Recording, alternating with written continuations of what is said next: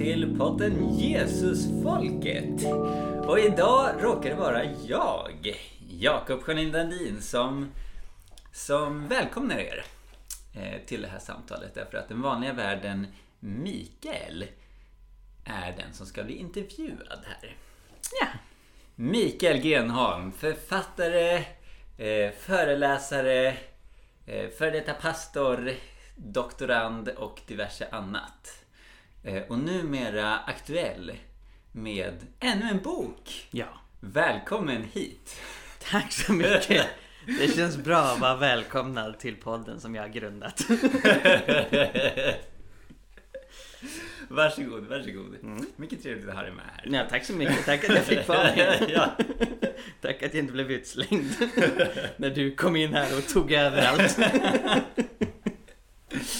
Yes. ehm, ja, vi sitter ju här med anledning av att du har skrivit eh, ännu en eh, bok. Mm.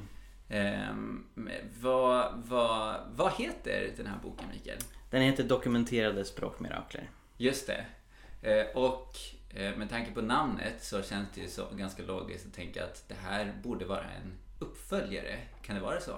Ja, det är en uppföljare till Dokumenterade mirakler. Just det. Eh, vi kanske kan börja där. Eh, hur kom det sig att det blev en uppföljare och varför blev det just den här typen av eh, uppföljare? Varför vill du skriva om språkmirakler den här gången? Ja, eh, för de som har läst eller lyssnat på Dokumenterade mirakler som kom för tre år sedan så kanske man minns att jag nämner där i första kapitlet att i den boken begränsar jag mig till att undersöka helanden och tillfrisknanden för att jag vill bygga ett så starkt case för miraklers existens som möjligt och nådde slutsatsen att det är väldigt bra att använda sig av journaler och läkarutlåtanden för det är en auktoritet för de flesta eh, ateister och agnostiker såväl som de som tror på Gud.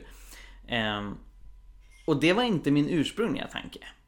När jag satte igång med att skriva dokumenterade mirakler så hade jag tänkt ha med alla möjliga sorters mirakler. Så det var lite när jag väl kommit in i arbetet som jag tänkte okej jag tar och begränsar mig till helande. Eh, men redan där då i första kapitlet i den boken så nämner jag att en typ av mirakler som jag själv alltid har tyckt har varit väldigt fascinerande är språkmirakler. Och jag lyfter fram Rickard Lundgren som jag känner lite grann är missionär för Gå ut mission. Som hävdar att han i 30 år har kunnat tala albanska utan att någonsin ha lärt sig det.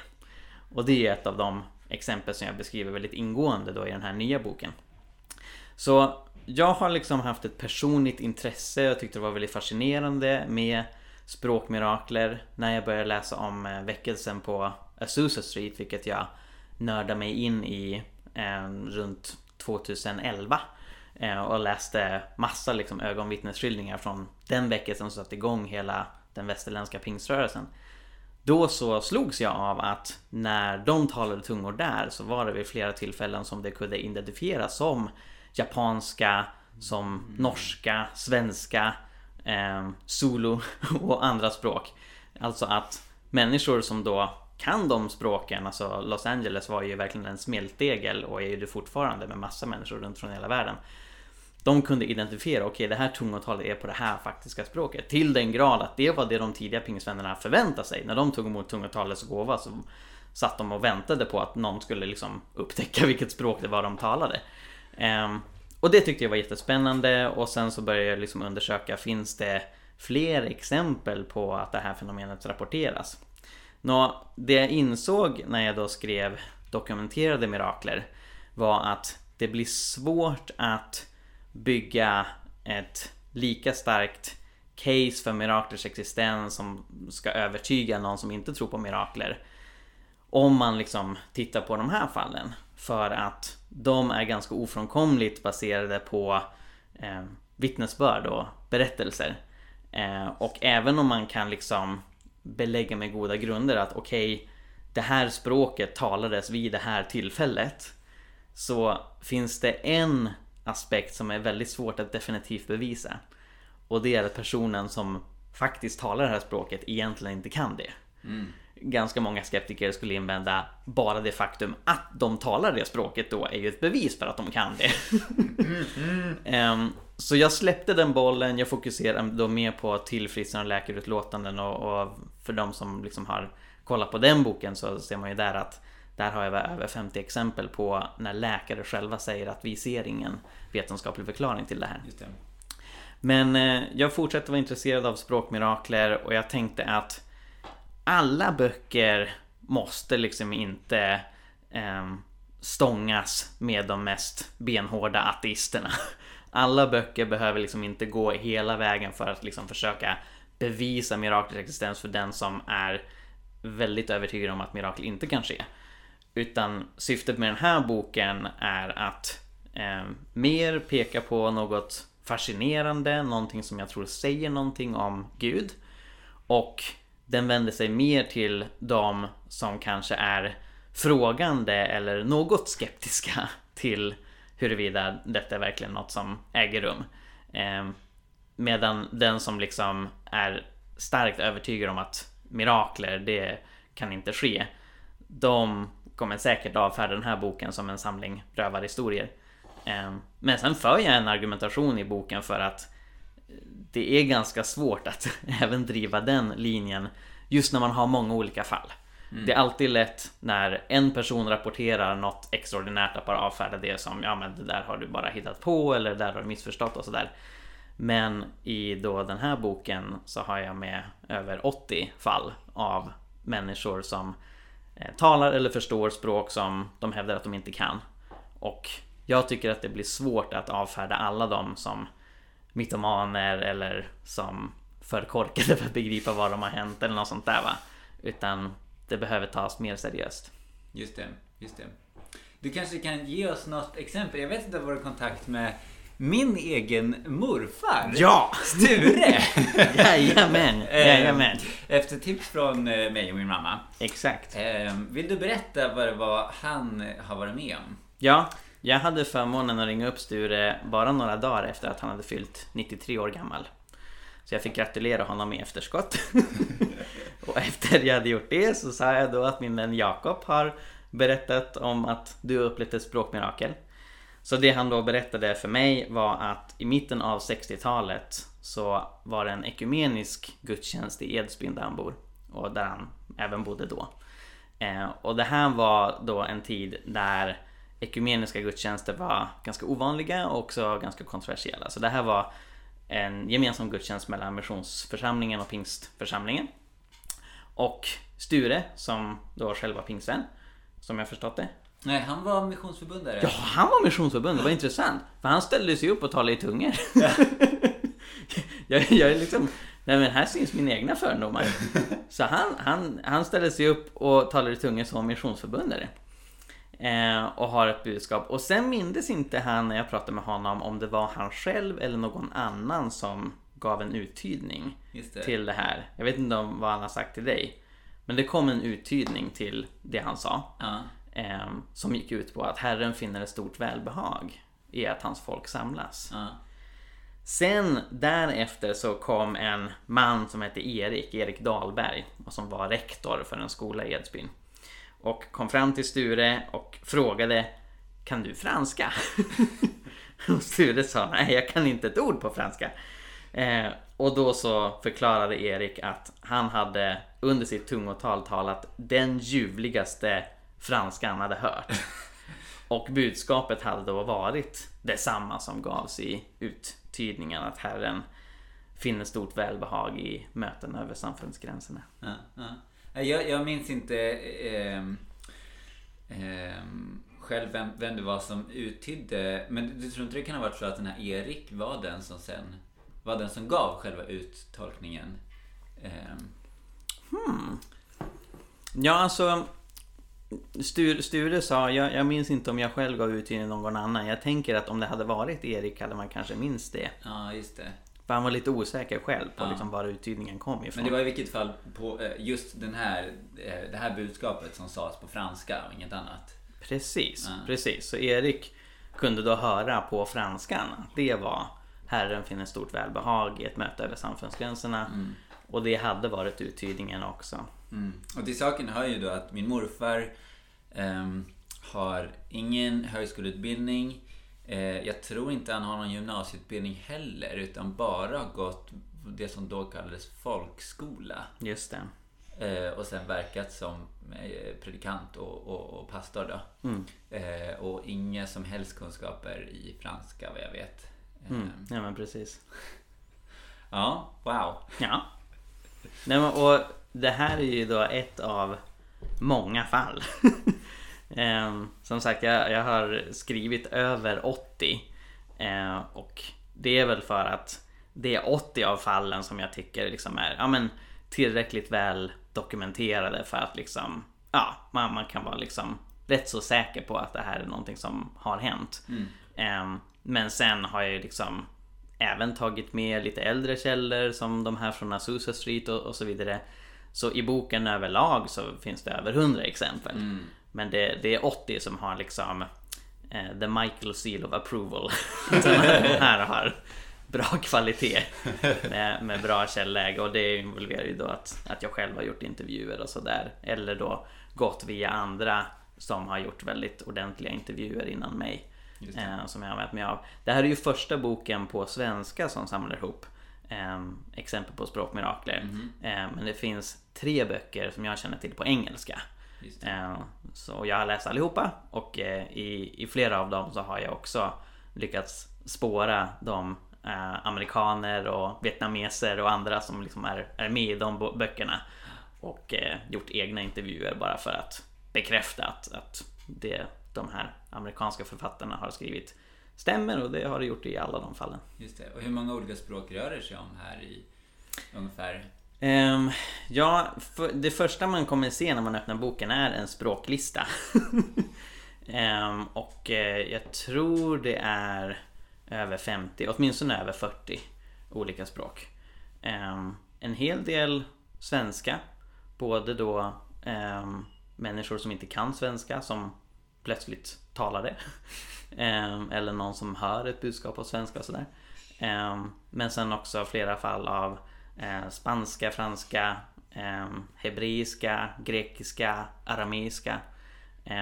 Och även ovanligare språk som eh, eh, zulu, det sydafrikanska språket, kråkspråket som är det, det har ett ännu tjusigare namn som jag inte minns just nu men det är då ett av de nordamerikanska ursprungsfolkens eh, språk som de kallar sig själv för kråkfolket och talar kråkspråket.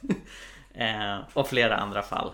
Eh, och det har varit jättefascinerande att se mångfalden i allt detta och också ja, men hur en mångkulturell och mångspråkig församling Mm. ökar ju liksom chansen att få uppleva det här och det Just känns som det. ytterligare ett belägg för att det är det som Gud vill med församling, att vi samlas över språk och nationsgränser för att få uppleva mirakler tillsammans. Wow, wow, wow.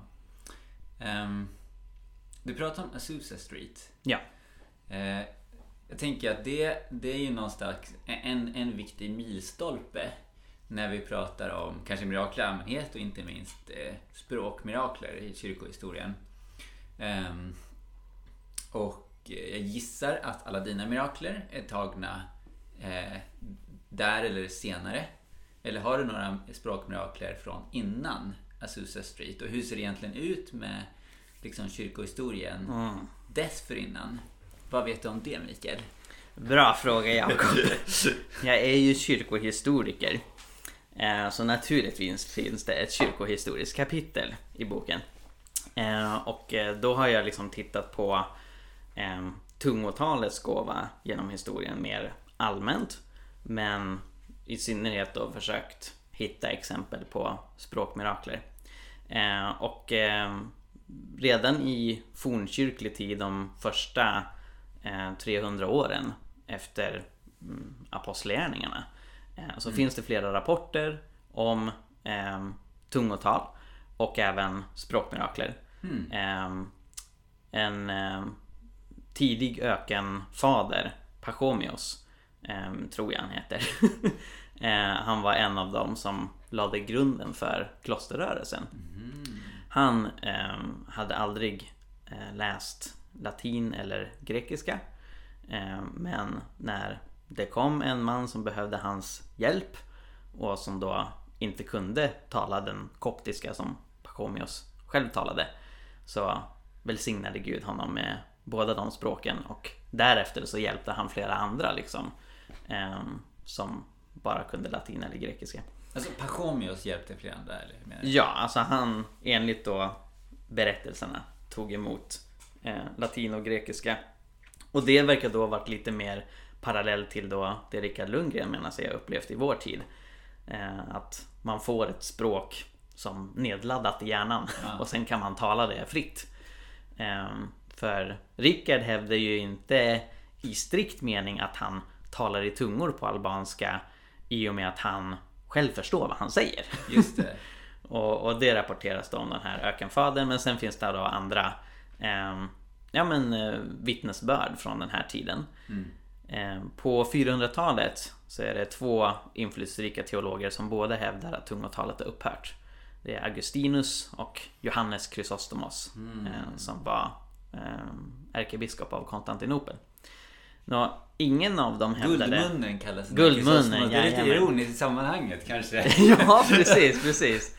Nej men, eh, och eh, de är vad jag kan se de första som hävdar detta. Men de hade själva ingen erfarenhet av tungotal i sin närhet och menade att det här var någonting som bara fanns under apostlarnas mm. tid.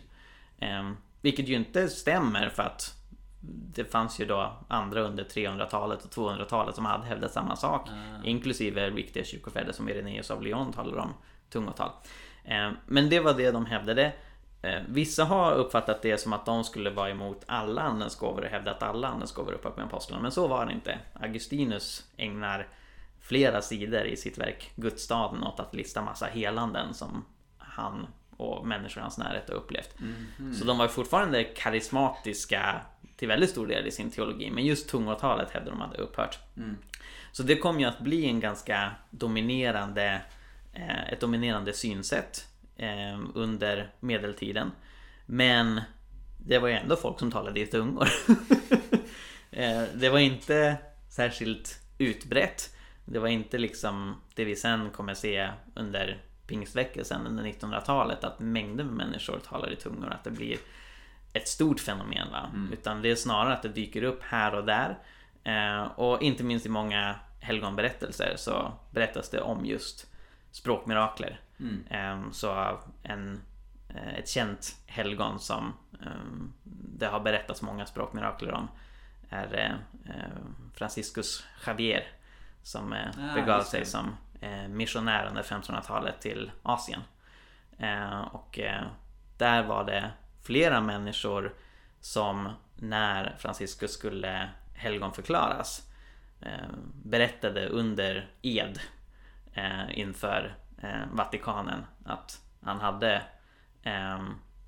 både talat språk som det hade varit väldigt svårt för en normal eller vanlig människa att, att lära sig under så kort tid.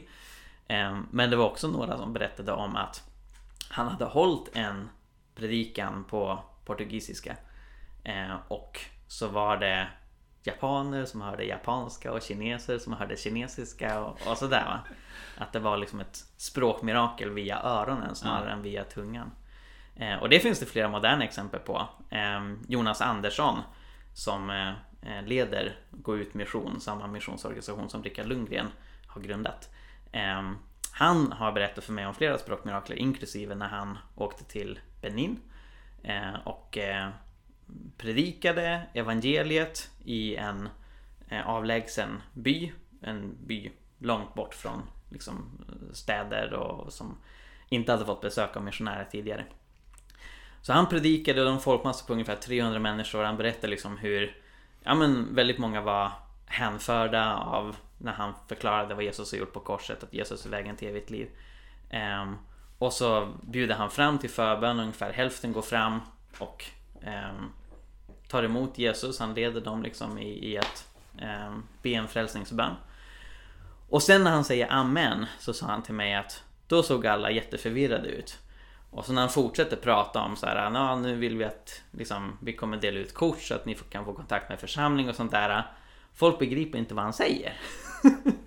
och då hör till saken att han hade två tolkar. Så han predikade på engelska och så var det en tolk som översatte till franska och en annan som översatte till ett lokalt språk. Men de allra flesta hängde inte med på vad han sa. Ehm, så, så de medarbetarna i missionsteamet gick runt och försökte liksom orientera sig vad är det som händer. Och då visade det sig att den här då evangelisationskampanjen hade lockat till sig människor från ett mycket större geografiskt område än vad de hade beräknat. Så det hade kommit människor från byar ganska långt bort ifrån där de talar ett helt annat Ah. språk. Så totalt var det ungefär sju olika språk representerade. Eh, och eh, väldigt få av de som hade gått fram och tagit emot Jesus hade då talat vare sig fran- franska eller det språk de hade översatt från scenen. Men de, de, det var några som var lite frustrerade att Jonas hade slutat tala på Fula. att Jonas hade slutat tala på Jom. Vilket ju var deras språk. Kan, kan inte den där gubben fortsätta prata på det där? Han gjorde det så bra förut va? Ehm, och, eh, och, och Jonas sa att det var liksom dels ett fantastiskt språkmirakel som gjorde att människor blev frälsta. Men också att Gud på ett lite finurligt sätt sa åt dem bara hörni, se till att ha bättre koll på vilka som finns här i närheten. Så kvällen efter, då hade de sju tolkar. Eller åtta eller vad det var. Eh, och, och liksom delade in folksamlingen i olika grupper för att liksom alla kunde inte tolka framifrån utan då var det liksom en tolk som var ut, utplacerad liksom på fältet och så samlades de som talade språket runt den. Så det var liksom en, en påminnelse om att okej, de behöver göra bättre research inför liksom de lokala språken. Eh, och ja, det här språkmiraklet återkom inte de följande kvällarna. Nej. Och det var inte heller något som, som de räknade med utan det var mer bara ah, Tack Gud att du löste det här när vi hade liksom klantat oss. och nu får vi liksom dra vårt strå till stacken. Så det är ju en, en parallell till då det som rapporterades om Franciscus på 1500-talet. Och jag skulle kunna fortsätta hur länge som helst men poängen är att det har aldrig riktigt varit en period i kyrkans historia när tungotal helt och hållet upphört. Eller när språkmirakler inte har skett. Sen var det absolut ovanligare under medeltiden än vad det varit under 1900-talet med den pingstkarismatiska rörelsen.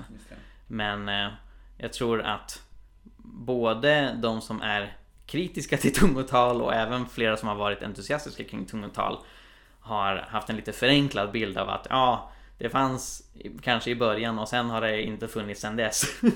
och så säger pingstvännerna nu var vi de första som liksom återväckte det och så var det inte utan det här har funnits lite här och där. Eh, och det är jättespännande att titta på. Wow, wow. En reflektion som jag, som jag har apropå det du, det du berättar är att jag tänker att Eh, eh för att du, berätt, du säger ju att eh, Augustinus och Mm. vilken var den andra kyrkofadern där? Hannes Guldmunnen. Precis. Eh, de, de ifrågasatte just tungotalet, att det fortfarande eh, utövades. Men de, in, de ifrågasatte inte andra mirakler. Mm. Eh, och jag tänker att det, det går lite i linje med min känsla att tungotalet ses kanske som mest galna och spejsade.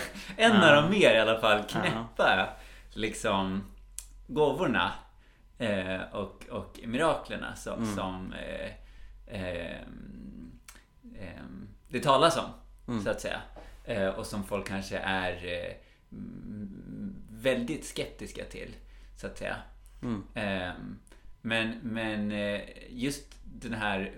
Ja, och, och, och, och, och då hävdas det ju ofta att ja, men, eh, tungotal eh, är ju aldrig någonting ehm, eh, förståeligt. Mm, Eh, eh, eh, och, och därför kan det inte vara någonting vettigt överhuvudtaget. Det är bara någonting vi liksom...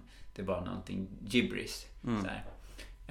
Men just de här exemplen, dels det här med Jonas som du, som du berättar om, men Mm. också eh, Rickard Lundgrens Mm. eh, språk. Alltså som du säger, det är inte, det är inte, det är inte eh, tungotal kanske som han ser det. Eh, men det är ändå eh, en eh, faller inom kategorin språkmirakler, Mm. så att säga. Eh, eh, det, det, eh, det visar ju uppenbarligen att Gud kan göra mirakler genom eh, språk och att de tidiga liksom, pingstvännerna som, som man har ju hört också de här historierna med, med missionärer som bara åkte iväg till något land långt borta och tog för givet att för de, de skulle få eh, landets språk mirakulöst liksom, Eh, av Gud. Eh, och, och, och som många kanske ser ner på liksom. Eh, den typen av, av missions eh, iver. Eller Ja, liksom, men satsningar. Men, Precis. men uppenbarligen finns det ju folk som har eh, liksom varit med om den typen Mm. av mirakler. Även om det kanske inte alltid har inträffat när folk har förväntat sig det. Eh, Nej men verkligen. och du kanske, kan, du kanske kan berätta lite mer ingående vad, hur det här med Rickards... Eh, ehm, vad det var som hände med honom. Eh, och hur han erfor sitt, eh, sitt mirakel. Ja, men för han hade ju verkligen inte förväntat sig att uppleva något sånt här. Han berättade för mig att han fick ett hjärta för Albanien ehm, redan som 14 eller 15-åring. För att hans SO-lärare var kommunist och var så otroligt fascinerad över Albanien och förklarade för sina elever Albanien är världens bästa land. För där har de förbjudit religion. Ehm, och, och alla har det bra och, och, och sådär. Va? Det är väldigt mycket propaganda i, i, i lektionsrummet. Eh, och Rickard liksom protesterade och sa Nej, de kan inte ha det bra om de inte har Jesus! så han var en frimodig liten pojk. Eh, och sen efter det så började han be väldigt mycket för Albanien och det här pågick i, i flera år. Eh, och eh, när han eh, då var i 18-årsåldern eh, så var det en församlingsmedlem som tipsade honom om att det kommer vara en föreläsare från Albanien som pratar om hur det är i Albanien. Också ett kommunistiskt möte och Rickard fick reda på att han måste gå med i Vänsterpartiet kommunisterna för att vara med på det här mötet, så då gjorde han det. Ehm, och, och när han fick frågan liksom, varför vill varför vill, vill en frikyrklig gosse från Boxholm gå med i Vänsterpartiet kommunisterna? Så sa han Det är för att jag tycker om ateister. och det här, det här var på tiden då de flesta i Vänsterpartiet var ateister.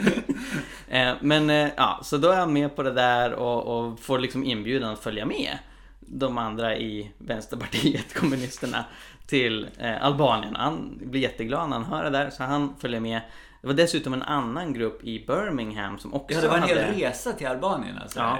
Och det var en grupp i, i Birmingham, en grupp kristna som också hade bett för Albanien. De, de var ju liksom väldigt gamla. Men de hade liksom hört talas om det här eller om de hade sett det i en syn. Rickard var lite osäker på hur, hur de fick reda på det. Men de fick ett paket från den här gruppen i Birmingham fyllt med biblar. Och på paketet så var det adresserat till The Church Boxholm Sweden. Men det hittade fram, så de hade ett gäng albanska bilar som eh, Rickard då ehm, eh, gömde i gitarrfodralet. Eh, Så att inte kommunisterna skulle... ja, nej, för Bibeln var ju förbjuden där. Eh, så men jag menar inte ens hans svenska vänner kanske hade uppskattat det, resekamraterna. nej, precis. precis. De, de hade inte riktigt förstått hans intentioner. Så de kommer till Albanien och i tullen så blir ju ja, tullmänniskorna lite eh, misstänksamma mot den här, det här gitarrfodralet. Så de liksom pekar på det där och, och, och ber Rickard liksom visa vad det är för någonting. Och Rickard är väldigt här, orolig för att de ska själva känna på gitarrfodralet för det var ju jättetungt på grund av alla biblar som var liksom bakom en lönndörr. Så han tänker okej, jag- jag tar fram gitarren och lugnar ner dem. Så han tar gitarren och så tänker han okej, nu måste jag spela en sång här. Vad ska jag spela för sång? Och det enda han kommer på är en så här jätteklämmig frikyrklig lovsång. Min Jesus lever eller något sånt där. Så då spärrar de svenska kommunisterna upp ögonen. Men de gör ingen grej av det här utan de får alla komma in och så är de där och, och plötsligt så framgår det då för Rickard att det är väldigt få albaner som kunde engelska. Och ännu färre som kunde svenska så nu är han där och han har sina biblar med sig och han har liksom i flera år längtat efter att få sprida evangeliet till albaner och så kan han inte göra det. Ehm, så han ja, men var ju liksom bekymrad över det här och bad en hel del om det. Ehm, men han bad inte specifikt om att liksom få ett språk och sådär utan bara liksom bad Gud att lösa problemet. Men det han sen beskrev då till mig var att eh, han vaknade upp en morgon och så tittade han på lampan och visste vad det var. Och han, han såg på taket, så liksom ord, det albanska ordet för tak dök upp i hans sinne. Så att när han tittar sig omkring så liksom, ja men det här heter om det här, det här heter om det här. Så han eh, klär på sig och så går han till då en albansk man som de bodde hos. Eh, och frågar honom på albanska, förstår du vad jag säger? Och får svaret ja, men varför har du en nordalbansk dialekt? och det har Rickard än idag, så det är fortfarande då albaner som påpekar för honom liksom att du talar som en nordalbansk lantis. Det är liksom deras version av norrlänning ungefär va. Eh, och eh, det, det Inget så... ont om norrlänningar. Nej, nej, nej, verkligen. Jag är gift med en. men, men det är lite den här bilden som många då albaner kanske i södra delen av landet har är att liksom, ja, de, de där uppe i, i norr, de, de bor på landsbygden och är lite bonniga och sådär. Det. Och det, det är de, de vibesen som Rickard ger, ger ifrån sig. Nej men så jag har inte bara intervjuat Rickard, jag har intervjuat en alban som liksom var med i början av 90-talet kan bekräfta att Ehm, ja, han talade felfri albanska, även en svensk eh, man som hjälpte honom för de fortsätter ju verka i Albanien i flera år så det här var en svensk man som, som hjälpte honom fortsätta liksom ta dit biblar och sådär. Eh, som också kunde bekräfta, ja men han talade albanska felfritt, han predikade på albanska och sådär. Eh, och så har jag också pratat med folk som kan berätta att även då eh, de senaste åren och, och i ett av fallen så sent som i år så har han talat eh, felfri albanska som får albaner liksom att, att bli djupt berörda. Mm. Så Lars Gunther som är pastor i Hästra Ekumenia kyrka och som också har gästat den här podden. Han berättade för mig att eh, i april i år, alltså kring påsk, så besökte Rickard deras församling. Två albaner var med på det här mötet och Lars hade sagt till dem att det här kommer ni gilla. Han, han kommer berätta saker om Albanien. Så Rickard talar då på svenska om sina erfarenheter inklusive det här språkmiraklet och sen så säger han eh, på albanska, visst är det några albaner här, kan ni komma och, och översätta så fortsätter jag predikan på albanska. så det här paret går upp, Rickard fortsätter predikan på albanska och de översätter då till svenska vad han säger. Och till slut kvinnan börjar gråta och hon säger att hon kan inte översätta mer. Eh, för att inte bara talar han albanska utan han använder specifika fraser och uttryckssätt som hon känner igen från sin ungdom. Och, och, som hon säger, det här, det här går inte att översätta till svenska. Det, det talar så starkt in i liksom den kultur och den historia som albaner bär på. Mm. Eh, och, och, det var helt makalöst för henne att den här svensken liksom kunde det. Och det, det är det som är så otroligt fascinerande för det är ju för, förstås folk som har sagt ja men han, han måste lura dig Mikael. Han har väl pluggat albanska i hemlighet och så vidare. Och förutom att det var väldigt svårt att göra i slutet av 80-talet att liksom plugga albanska punkt, men i synnerhet om man ska plugga albanska utan att någon märker det. Eh, för liksom Rickards föräldrar kan ju be, liksom bekräfta det här att ja, nej, men han, han åkte dit ner, kunde ingen albanska, kom tillbaka, kunde flytande albanska. Mm. Men, men också det här att eh, han talar albanska så pass väl att även om han hade pluggat det och sen ljugit om att han inte hade gjort det så är det på något sätt tillräckligt mirakulöst att det är så otroligt klockrent. Va? Mm. Um, och det är väl det som också är fascinerande med flera av de här fallen som med Sture att då Erik Dahlberg beskriver är något av den vackraste franska som man har hört. Mm. Och förutom det du liksom påpekar med att han hade otroligt lite utbildning så liksom rent sannolikhetsmässigt så är det otroligt svårt att tänka sig att han har pluggat i franska, i synnerhet att göra det i hemlighet. Alltså ärligt talat, jag vet inte riktigt vad det innebär att plugga ett språk i hemlighet. Jag vet inte hur man ska gå tillväga. Kan någon visa mig hur jag ska lära mig kinesiska i hemlighet? Eller vad, vadå liksom? Så, så, men, men också det här att, att det liksom i flera av fallen så är det då folk jag pratat med som just kan bekräfta att, att uttalet är så klockrent. Eh, får jag nämna ett annat fall? Absolut. Jag tänkte bara visa dig. Är det något... Jag tror inspelningen fortfarande gäller. Ja, den är igång. Bra, tack.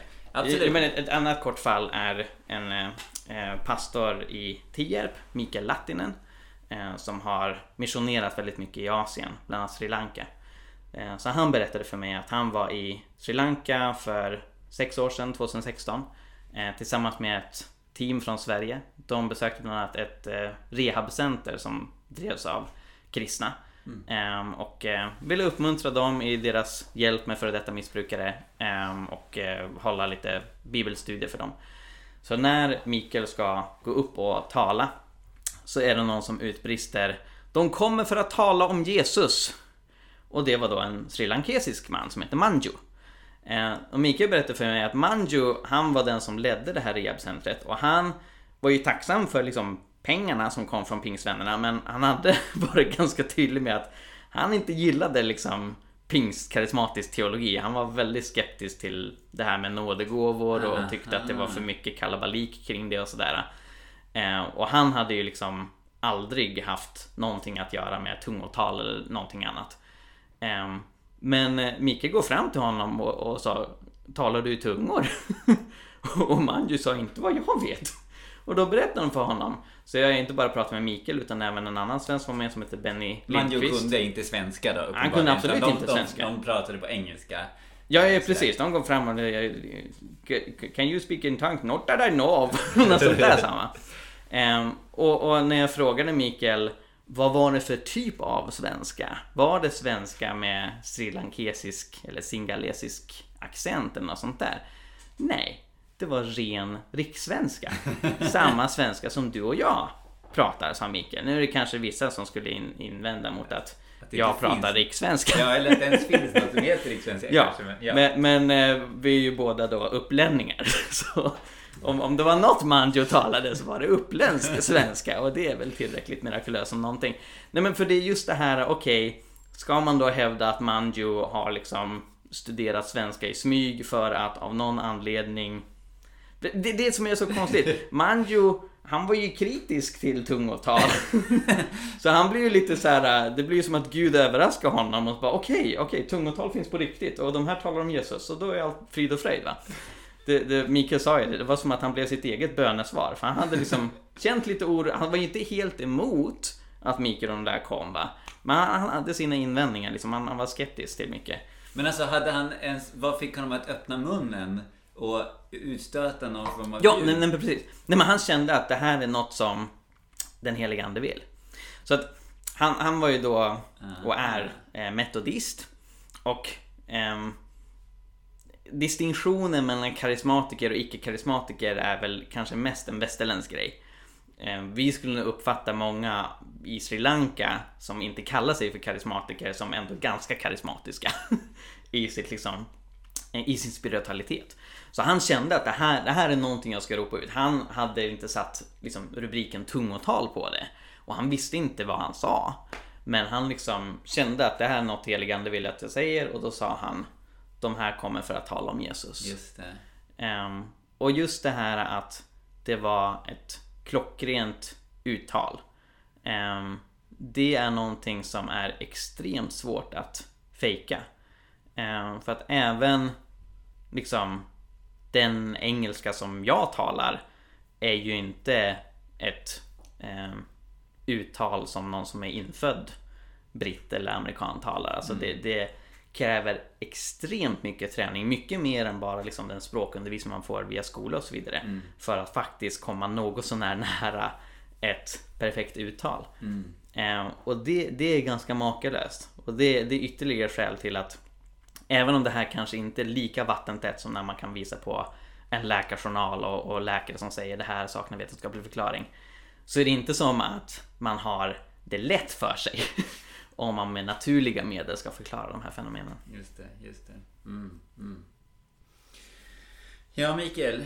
Um, jag, jag, eh, jag vet att eh, du har lagt ner mycket arbete på den här boken. Eh, vad skulle du säga eh, under skrivandet har varit eh, eh särskilt svårt med, eh, med eh, arbetet med just den här boken? Ja, alltså en svårighet har ju varit att det sker för många mirakler. det, är, det är så många mirakler. Det är många fler än vad jag liksom hade tänkt mig när jag började skriva. Men det har ju fortsatt liksom strömma in vittnesbörd efter att boken har gått i tryck. Och, och, och, flera av dem liksom är så här, flera personer som kan vittna om att ja, det, det här hände. Um, så, så det har varit... Senast idag va? Ja precis! Idag var vi i Kyrkan. Pingstkyrkan i Falköping. Och då berättade de om ett språkmirakel som då en församlingsmedlems morfar har varit med om. Nej men så, så det, och, och det, har liksom, det är ju ett trevligt problem men, men det är ju också väldigt svårt att liksom sätta ner foten och bara nu behöver jag begränsa mig. Ehm, och sen så har det ju varit en hel del ja, men detektivarbete, att liksom spåra rätt på folk. Det är ju lättare än någonsin tidigare med internet men det är ju inte ehm, problemfritt för det. Va? Ehm, och sen så är det också ganska ansträngande tycker jag att boka intervjuer och följa upp det och skicka påminnelser och, och, och sådär va. Det är några väldigt spännande fall som jag har liksom till hälften fullbordat. Jag har gjort en intervju och så vill jag ha en bekräftelse från Alltså ofta är det att jag pratar med både den som har talat och den som förstår språket. Och ibland är det flera som förstår samtidigt och sådär men, men, men eh, det är liksom den normala proceduren. Jag försöker åtminstone få till då två intervjuer.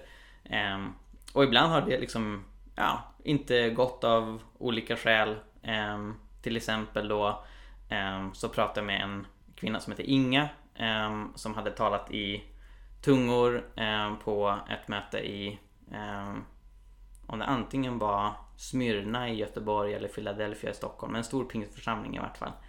Eh, och då så var det en iransk man som hade förstått vad hon sa. Eh, och då har jag försökt få tag på den iranska mannen samt en eh, missionär som också var med. Och det var den missionären som hade liksom fört med den här iran- iranska mannen. Eh, men jag har inte lyckats få tag på någon av dem. Eh, den iranska mannen har jag helt enkelt, ja, mina meddelanden har inte fått någon respons. Och missionären eh, begav sig iväg till Thailand när jag försökte jaga honom. Och sen så har jag skickat flera påminnelser men de har liksom fullt upp med annat. Och då får man ju bara acceptera det att ja, så, så är det. Det är liksom Gud gör mer än vad man kan dokumentera. Och det är på ett sätt uppmuntrande. Eh, Men det har varit eh, ja, men en, en svårighet i själva bokskrivandet. Det har krävt en hel del improviserande och, och kasta om en hel del saker för att ja, vissa intervjuer inte går att genomföra eller för att eh, ja, saker händer så. Just det, just det. Ehm, Men det är helt klart så att du har, eh, du har hittat en hel del fascinerande, eh, för att inte säga ibland knasiga saker låter det som. Jajamän. Ehm, vad, vad skulle du säga att de här olika miraklerna säger om, om Gud? Ehm, Mm. Du har ju varit lite inne på det, min känsla. Att han, han, eh, ehm, han vill eh, ehm, eh, påpeka saker för folk ibland. Ehm, eh, kanske eh, beröra deras hjärtan eh, och så vidare. Och lite in, inne på det här med hur, hur språk just kan ja, verkligen beröra folk, inte minst när det är så pass ehm, nära deras, deras eh, alltså så här, unika eh, kulturella, historiska eh, begrepp eh, och, och såna här saker. Ja, precis. Ehm, vad säger språkmirakler eh, och inte minst de här språkmiraklerna om Gud, Mikael? Dels så säger det någonting väldigt starkt om Guds makt och kraft. Att Gud inte har några begränsningar. Ett av exemplen jag har med i boken handlar om en ung tjej som heter Amy. Som eh, känner sig fylld av Guds kraft på en gudstjänst. Och eh, viftar med händerna i olika formationer som någon slags lovsångsdans fast bara med händerna. Eh, och hon gör det i två timmar. Och det är en döv man som genom det eh, får en predikan för att hon talar teckenspråk. Eh, utan att hon kunde någonting teckenspråk. Utan hon bara rörde händerna som hon kände att liksom Guds kraft ledde henne. Eh, så den mannen tog emot Jesus. Eh, Amy Ada Coriel hette hon. Hon dog ganska nyligen. Nej men så, så det, det och, och även flera av de andra som vi liksom pratat om här säger ju någonting om att Gud är mäktig. Också att Gud är väldigt kärleksfull, omsorgsfull. Flera av de här då involverar ju att förmedla evangeliet till alla folk. Vilket ju inte på något sätt är ett otydligt bibliskt budskap.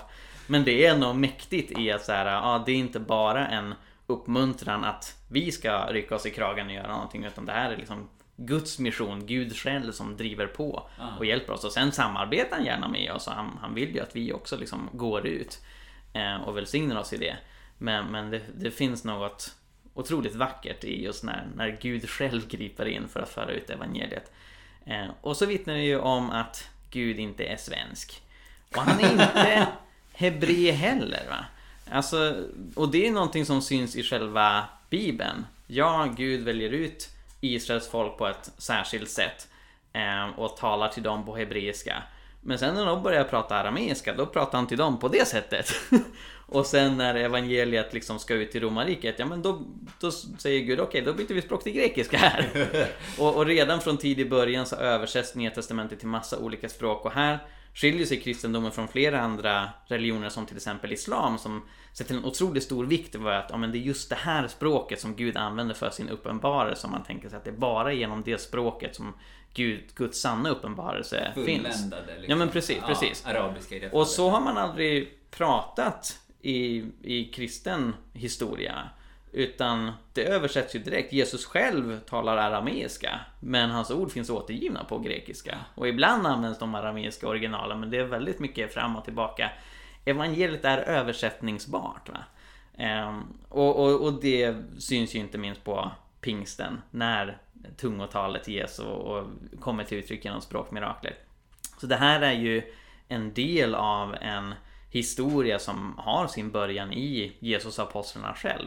Och som just vittnar om att Gud vill korsa gränser, vill nå alla människor och vill bygga broar istället för murar och liksom i vår tidsålder med så mycket nationalism, så mycket fientlighet mellan folken, mm. eh, så mycket ja, men, eh, oro och rädsla och hat gentemot människor som är annorlunda så finns något otroligt kraftfullt i tungotalet att man liksom kastar sig ut på okänd mark.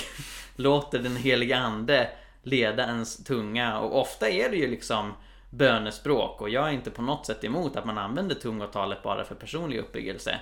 Men det som vi ser exempel på här är ju hur Gud använder den gåvan för att föra ut budskap till människor på ett sätt som är otroligt personligt för dem. Eh, och, och där då den som använder gåvan ofta inte är särskilt stor kontroll över vad som händer.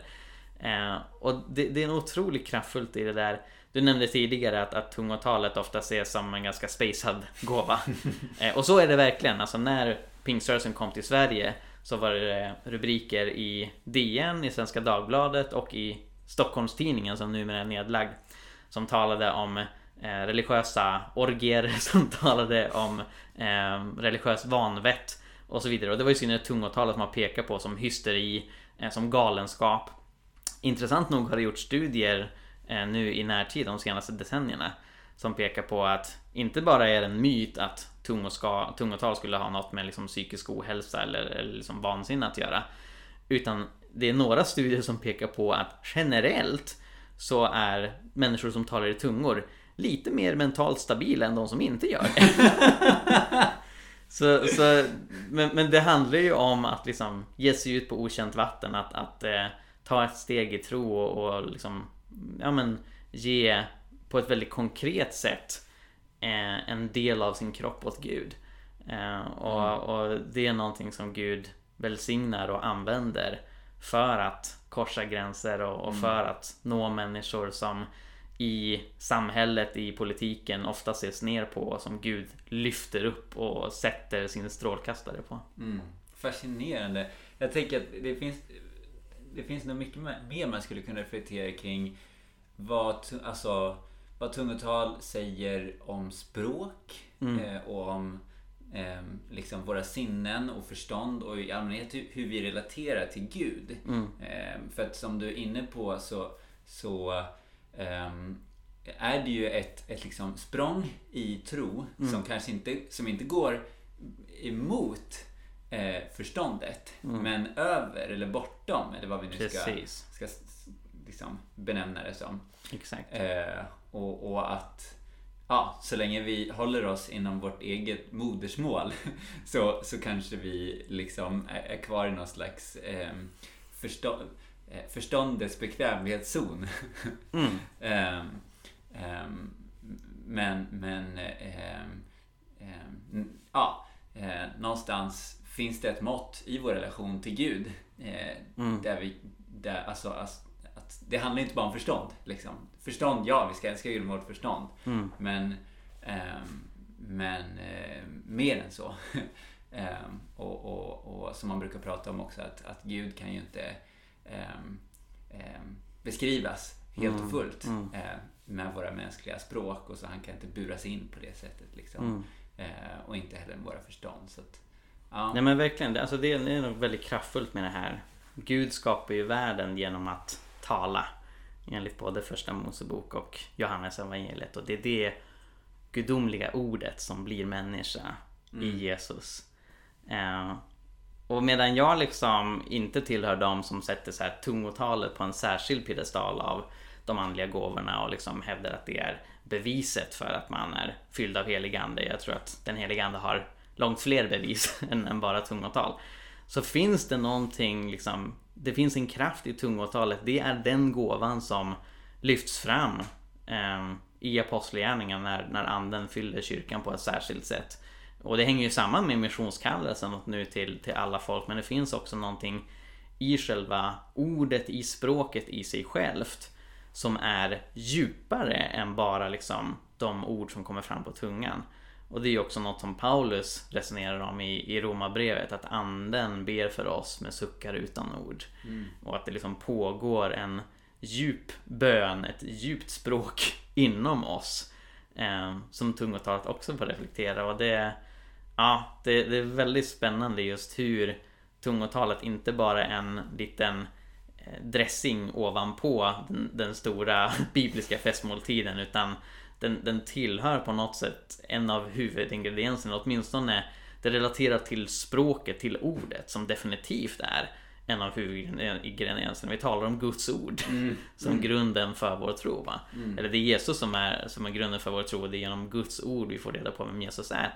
Eh, så ja, det finns mycket spännande att resonera kring det. Wow, och om jag känner dig rätt så har du resonerat kring de flesta aspekter eh, av, av eh, tungotalet eh, i den här boken. Eh, även kring den, här, eh, liksom, den typ av tungotal som kanske inte eh, kan tolkas av någon människa. Mm, ja, precis. precis. Jag hade ett kapitel som heter Språkteologi. Min kära hustru Sara påpekade att det var ganska tråkig titel på ett kapitel. Så hon, hon föreslog eh, rubriken Guds ord om ord, vilket är den rubrik som faktiskt blev i, tryckt i boken. Härligt! Mm. Wow, wow. Ja men eh, spännande. Det låter som att det finns mycket att se fram emot. Ja, hoppas det. Ehm, eh, för, för eh, eh, ja, i den här boken. Wow! Um, ja, grattis Mikael, Tack så mycket! Till att bli färdig med den här boken. Um, jag jag, eh, jag har tänkt eh, en sista fråga bara. Ja. Eh, om du eh, eller någon annan, ifall, ifall dina planer liksom är fokuserade på annat, skulle vilja skriva en uppföljare på den här. Vad skulle den handla om? ja, ehm, jag tycker generellt att Två är ett litet ofullständigt tal. jag kan tänka Men skrivit en bok om helande och en om språkmirakler. Så vad kommer näst? Är det kraftgärningar? Ja, alltså jag, jag funderar på det. För att båda de här böckerna har ju varit ganska unika på just den svenska scenen. Um, att innan jag skrev Dokumenterade Mirakler så fanns det ingen bok som samlade ihop exempel på läkarverifierade helanden. Och det här är första boken på svenska som samlar ihop språkmirakler. De dyker ju upp lite här och där i olika böcker men då är det ofta liksom ja, berättelser om en missionärs liv eller liksom, ja, berättelser om mirakler i allmänhet och så dyker det upp ett språkmirakel. Så jag har liksom försökt koncentrera det. Och eh, jag har funderat på liksom vad mer när det gäller andens gåvor som skulle behöva lyftas fram och just ha det här mer eh, ja, men källkritiska öga som jag försöker ha med. Jag försöker liksom ja, men peka på finns det goda grunder för det här? Finns det god kvalitet i vittnesbörden? Och det är inte för att jag ser ner på vittnesbörd som är mer anekdotiska, men liksom de har sin plats och jag vänder mig väl kanske mer åt den lite skeptiska eller grubblande publiken så. Um, och där jag också tror att det finns ett behov, um, men det jag själv verkligen inte vet om och när jag själv kommer kunna tackla det. Um, det är när det gäller demonbefrielse. Mm. för där har det också skrivits en del på svenska, men då är det mer anekdotiskt uh, och uh, det finns en väldigt intressant, ganska nysläppt bok av en amerikansk psykiatriker som heter Richard Gallagher. Nu minns jag bara för det inte vad eh, hans bok heter. Är det den du, du, du refererar till, till någon eh, psykiatriker i din första mirakelbok tror jag? Ja, nej men precis. Då refererar jag nog till en eh, artikel han har skrivit i Washington Post. Ehm, som, jag tror den artikeln kom 2016 och hette Why this psychiatrist believes that there are demons eller någonting sånt där. Men han har skrivit ehm, en bok också. Hallå, Mikael från redigeringsbordet här. Boken heter Demonic Foes My 25 Years as a Psychiatrist Investigating Possessions, Diabolic Attacks and the Paranormal och gavs ut 2020 på Harper One förlag. Men, men då är det liksom en väldigt ordentlig eh, undersökning han gör. Där han lyfter fram eh, fall han har varit med om själv och eh, människor han känner som också har medicinsk träning. Eh, när de stöter på människor vars problem inte kan reduceras till psykiska problem. Bland annat för att flera av dem involverar språkmirakler. Mm. Men då rätt så mörka språkmirakler. Så det handlar om människor som aldrig haft någon kontakt med latin men när det kommer in en katolsk präst som ska driva ut demonen ur dem så börjar de tala latin med den prästen. Eh, och även kan liksom säga detaljer om den här prästens liv som de inte borde veta. Mm. Eh, så alltså det, det är någonting som också är ganska outforskat och där man måste vara väldigt försiktig för det är väldigt många som har blivit felaktigt behandlade som felaktigt får demoner utpekade i sig. Mm. Och jag tror att det både finns ett stort problem med att liksom eh, ja, men feltolka genuina psykiska besvär som att det vore demoner. Men också att feltolka genuin demonisk aktivitet som att det vore psykiska besvär.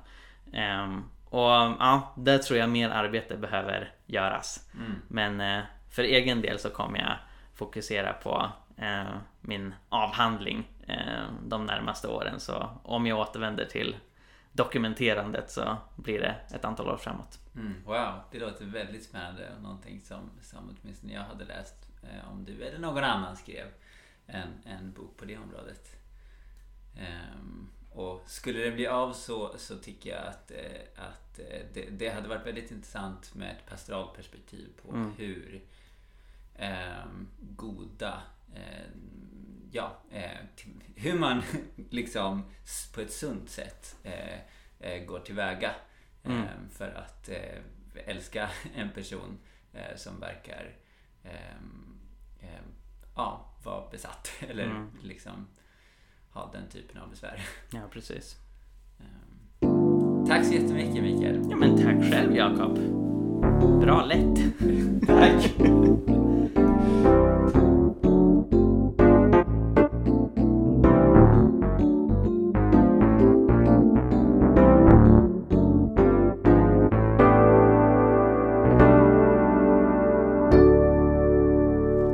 Mycket för att du lyssnar på Jesusfolket. Om du vill höra mer så se till att prenumerera på iTunes, Spotify eller valfri podcastapp. Du kan också lämna en recension, vilket är en eh, liten grej att göra som hjälper oss väldigt, väldigt mycket, så det uppskattar vi verkligen. Eh, du kan också läsa vår blogg, Hela Pingsten. Vi har mängder med artiklar där om andens gåvor, evangelisation, fred, rättvisa och allt möjligt annat som har med lärjungaskap att göra, så kolla in det. Och vi finns på sociala medier. Du kan följa både Jesusfolket och hela pingsten på till exempel Facebook. Tack så mycket! Gud välsigne dig och eh, fortsätt vara en del av Jesusfolket.